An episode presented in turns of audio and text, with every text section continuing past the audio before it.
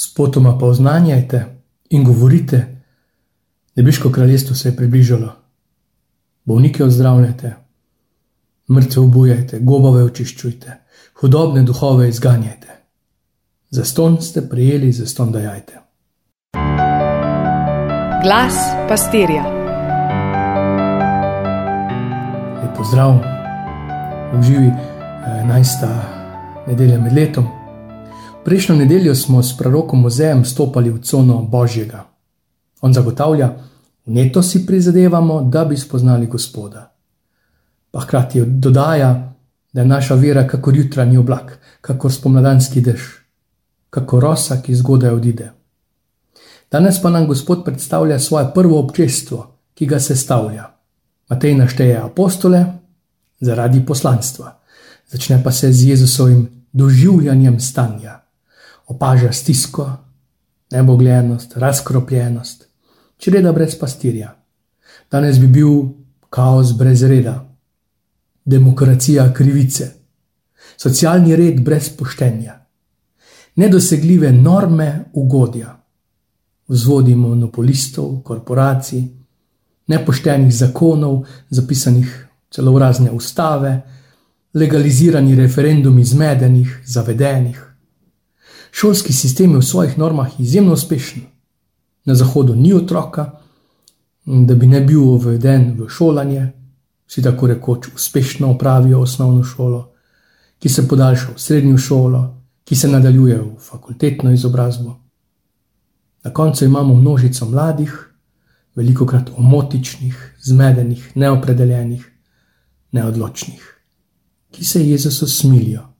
Njihovi starši delajo vsaj 8 ur na dan, zato da odplačajo kredit za hišo, za avto, za razne ugodnosti, tečaje, dodatne kvalifikacije, zdravstvene, kirurške, lepotne posege, potovanja, zavarovanja, vse tja do pokojnine.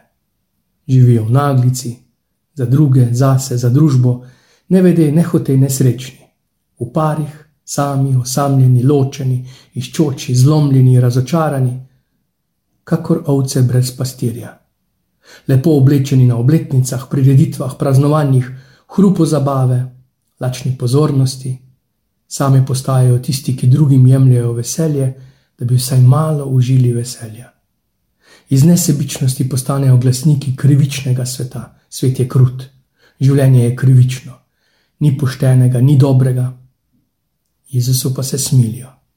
In tu se začne današnji evangelij.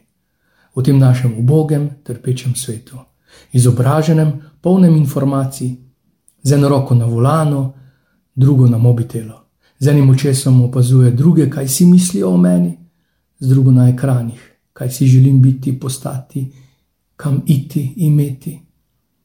Kdaj pa kdaj se pogled še ustavi na odsevu, v ogledalo ali na bolnišničnem kartonu, ki pa ne prenese make-upa. Prenese pa drugo in tretje mnenje, kot vremenska napoved različnih aplikacij. Tako dolgo iščem, da bo vsaj na ekranu zasijalo sonce, tudi če zunaj lije dež in so se mu smilili. In jih kliče izmed njih. Koga?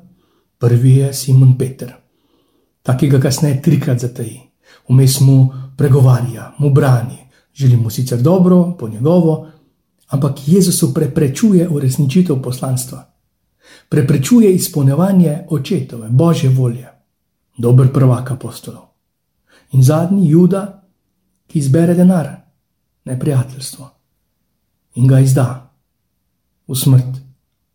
Tu je Matej, ki kolaborira z okupatorjem, in Simon Kananejec, ki preganja te iste okupatorje, Rimljane. V tej skupini dvanajsterih je mnogo večja dinamika, kot si mislimo.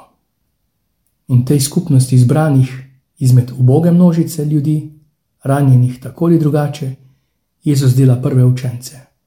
In se tu ne zaključi. Niso poskusna župnija, niso pilotni program, niti ne primer dobre prakse. Pri evangelistu Mateju sicer nismo opazili to, da pri Luku se vse skupaj začne v noči, ki je izvor nove, čir, nove cerkve. Noč je prečul molitvi Jezus. Molitev ni toliko naša molitev, v katero se zatekamo, ko smo nebogljeni, nemočni, ko prosimo in prosimo. On je z očetom, on in oče stajano. Prišel sem, da izvršujem očetovo voljo. Iz te edinosti, moči, pridejo imena apostolov. Na prvi pogled zmedena skupnost, ta kaotična izbira novega župseja, ob Jezusu postaja najbolj nevarna skupnost specialcev. Malo ponesrečena govorica, tudi izjemno enotni, razen enega, vsi do konca povezani z Gospodom, zvesti poslanstvo, plačali življenjem.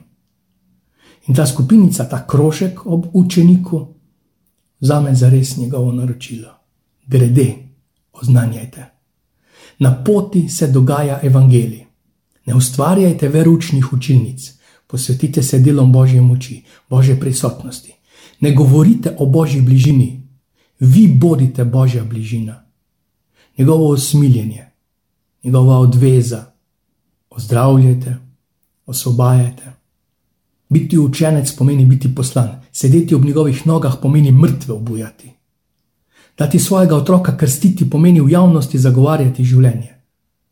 Sedaj, ko se žametno v Sloveniji sprejema zakon smrti, eutanazije, o prijazni izolaciji ostarelih, v celofan zavita diskriminacija nemočnih ostarelih, ko nimamo ljubezni za to lažbo, ki jo iščejo, bližino, ki jo potrebujejo, mi jim ponujamo sladki strup. Boriti se za življenje pomeni spremljati svojega mladostnika k birmi, ne mu ponuditi kondoma in kontracepcije, ampak mu ljubeče osvetliti ljubezen, zvestobo, moč čistosti, ne rešitve umora v splavu.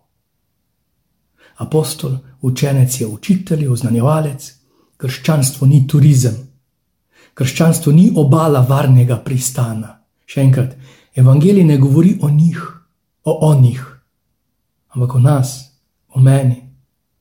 Ampak jaz nisem primeren. Samo kratek skok v prvo in drugo berilo.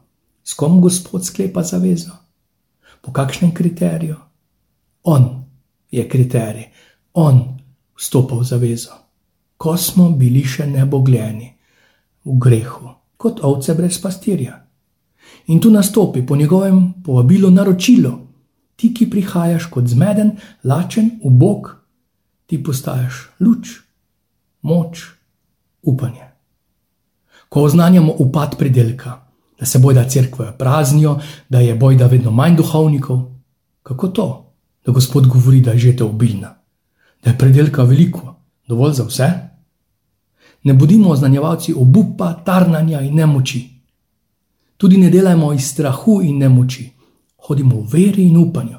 In vse, kar delamo, delajmo iz moči ljubezni. Si upaš testirati vero v vetru in soncu, izven večerne molitve in nedeljske maše in poslušanje tega podcasta? Te izzivam. Vse dobro, bog te živi.